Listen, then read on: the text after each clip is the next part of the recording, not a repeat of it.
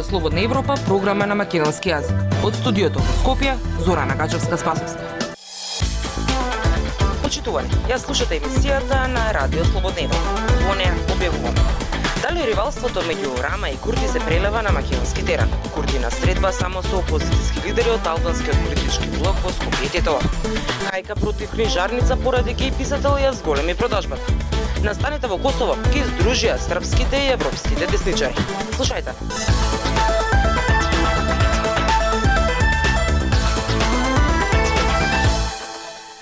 Пресрет на создавање на нова опозицијска партија во македонскиот албански политички блок.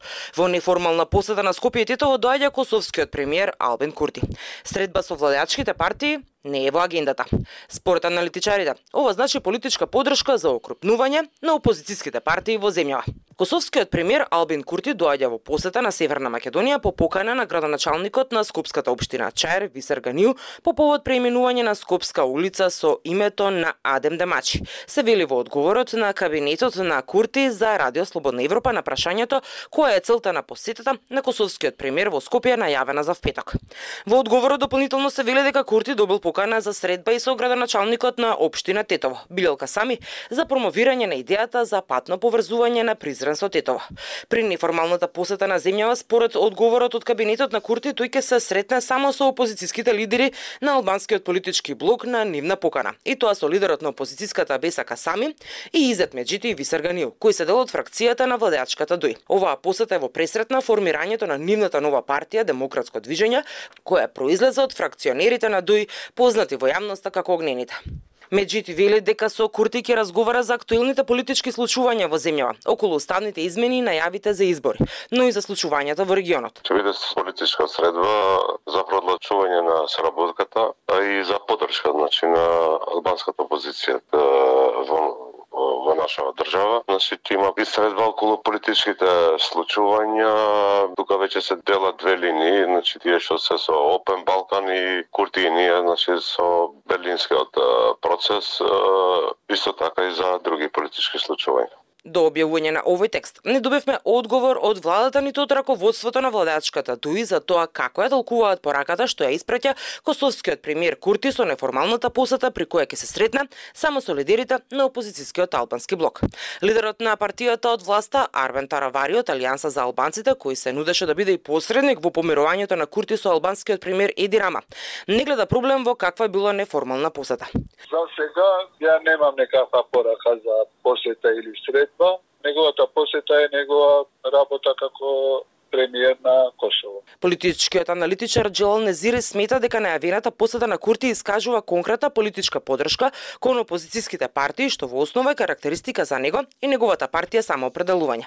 Дали ќе може да биде реален конкурент ова опозицијска коалиција наспроти коалицијата која би можело да се формира од страна на ДУИ, Алијанса и на останатите партии, тоа не можеме од сега да кажеме. Во јуни во рамките на форумот во Преспа во Струга, премиерот Курти оствари средба со албанските представници на Северна Македонија, меѓу кои со првиот човек на Дуи Али Ахмети. Во меѓувреме комуникацијата меѓу владините кабинети е редовна. Се вели во одговорот од кабинетот на Курти на прашањето зошто при оваа посета во агендата не е предвидена средба со раководството на владеачките партии во земјава. Предходно во јули во посета на земјава беше албанскиот премиер Иди Рама.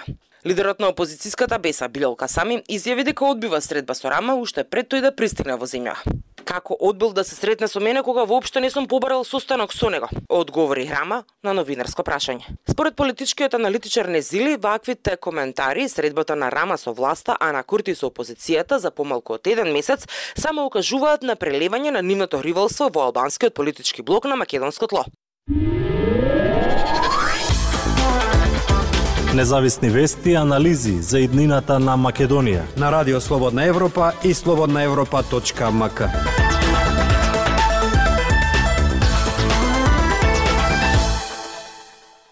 Јавната хајка против книжарницата Полица, која во знак на подршка на парадата на гордоста на попостави книга на ги писатели, донесе поголем профит. Може би ќе продадовме само 10 примероци од книгата Крајот на Еди, а вака продадовме повеќе од 200, вели за Радио Слободна Европа, наградуваниот писател Петар Андоновски. Прилог на Пелагија Стојанчова.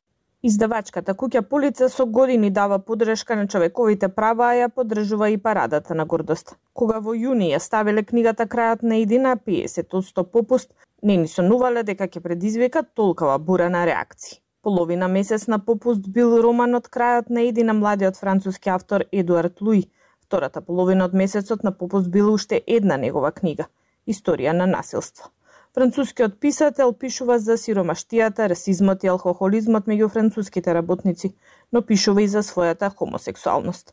Токму тоа беше иницијална каписла за почеток на хајката на социјалните мрежи против книжарницата. Вели за Радио Слободна Европа наградуваниот писател Петар Андоновски кој работи во книжарницата. Тој пет години е дел од полица, исто колку што на полиците во книжарницата ги има романите на Едуард Луј.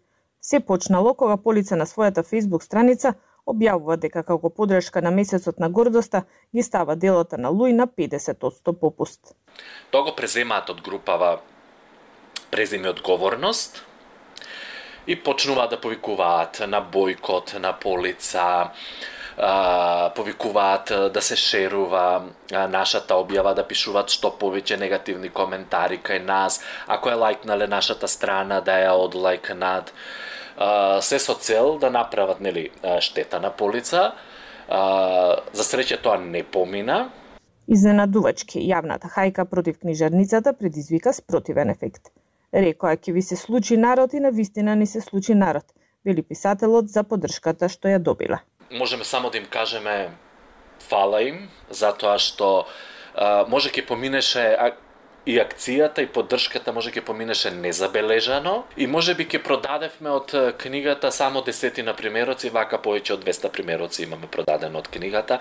Фейсбук групата преземе одговорност се застапува за заштита на децата од трансродова идеологија и рамноправност меѓу мажите и жените. Не ни е проблем што во книгата се опишува приказна за момче што има поинаква сексуална ориентација. Проблем е тоа што на сила ни пикаат под нос нешто што е поразлично од нашиот светоглед и ги таргетираат нашите деца. Треба да ви биде јасно дека децата се црвена линија и не треба да ја преминувате, инаку ќе ви се случи родители и народ. Пишува на Facebook групата преземе одговорност. Книгата Крајот на идеја автобиографска зборува за растењето на авторот во мал град во Франција, каде бил жртва на врсничко насилство поради поинаквата сексуална ориентација, иако во тоа време јавно не се декларирал како геј од полица. Не го пријавиле вознемирувањето и хајката, што против нив е покренато на социјалните мрежи во јуни. Делата на младиот француски автор се уште се на нивните полици, само што сега многу повеќе луѓе знаат за тоа. Слободна Европа. Следете на на Facebook, Twitter и YouTube.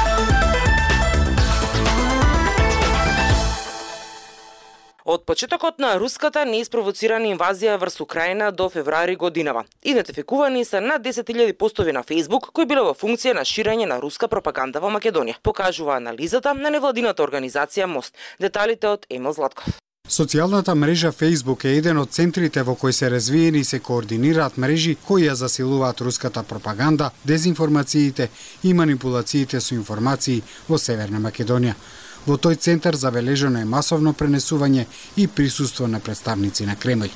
Ова го покажува студијата една година од руската агресија врз Украина, изработена од граѓанската асоциација Мост, а во која се анализираат руската пропаганда, влијание и дезинформации во Северна Македонија по почетокот на руската инвазија врз Украина во периодот март 2022 февруари 2023 Во оваа студија, која е прва ваква во земјава и во регионот, биле анализирани и идентификувани над 10.000 постови на Facebook во овој контекст и утврдено е дека во функција на ширење на руската пропаганда во земјава се вклучени и домашни актери кои го возможуваат и засилуваат тоа или ги пренесуваат пораките.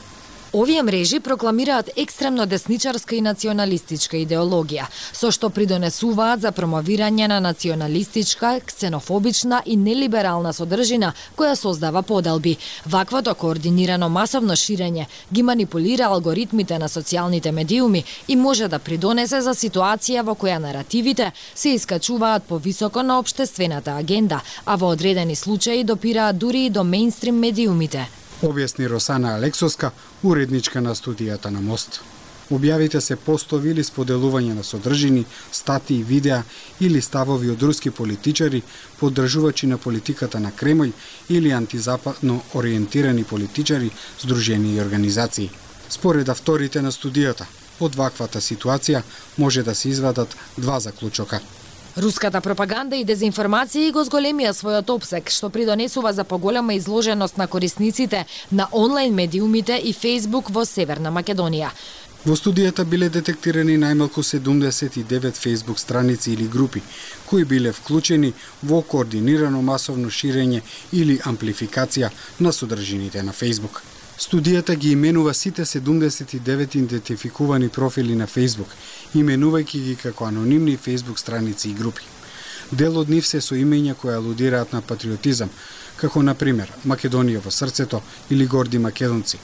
Потоа имења со верски презнак, верувам во Исус Христос, православна зедница, имења од забавен карактер, како што се насмејсе или среќен живот, па дури и со имиња на популарни македонски личности, како Тоше Проевски, на пример.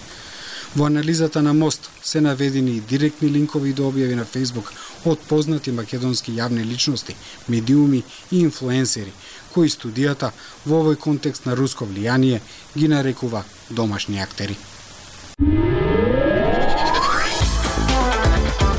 Дайте ни 15 минути и ние ќе ви го дадеме светот.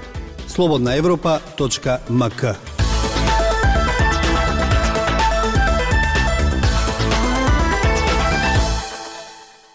Пораките за подршка за Србија во така наречената борба за Косово во јули на Твитер испратија неколку екстремно десничарски европски политичари.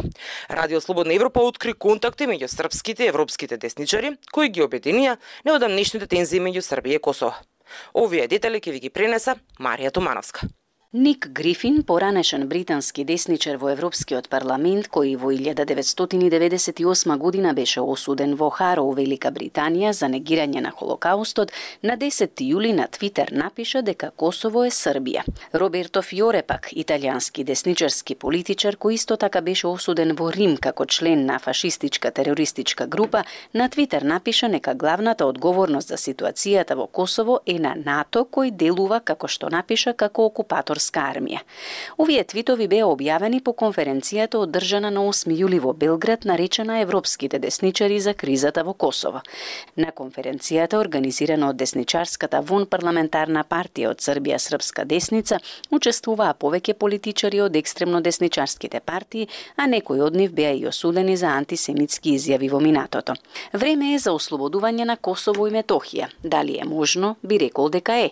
НАТО денес не е способен да се спротиста представи на сериозен чин на ослободување, рече Ник Грифин, кој што не соопшти повеќе детали за неговиот предлог за Косово, иако доаѓа од земјата Велика Британија, која е членка на НАТО. Тој има антиимигрантски ставови, а во 1998 беше осуден за поттикнување омраза поради објавување материјал со кој се негира Холокаустот.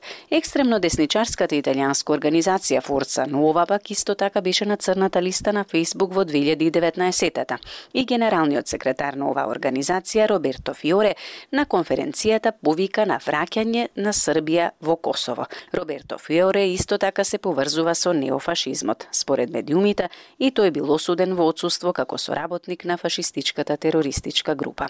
Србија е на Косово, Косово е на Србија, рече на истиот настани Клаус Кремер, кој е представен како шеф за меѓународни односи на партијата Ди Хаймат во Германија, уште една земја што ја призна независноста на Косово. Самиот Кремер пример, беше осуден на условна казна за давање антисемитски изјави.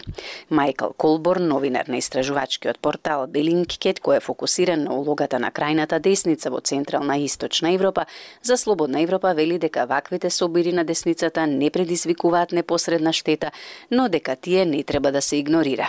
Преговорите меѓу Косово и Србија кои се во тек од 2012 година во моментов се во застој поради неодамнишните тензии на северот на Косово. РСЕ не доби одговор од српската десница, организаторот на конференцијата во Белград, како и организаторот на разговорот на Твитер, поради што Косово во моментов е во нивниот фокус. Тоа беше се што ви подготвивме за оваа емисија. Со вас од студиото во Скопје беа Зора Нагажевска Спасовска и Дејан Балаовски. До слушање.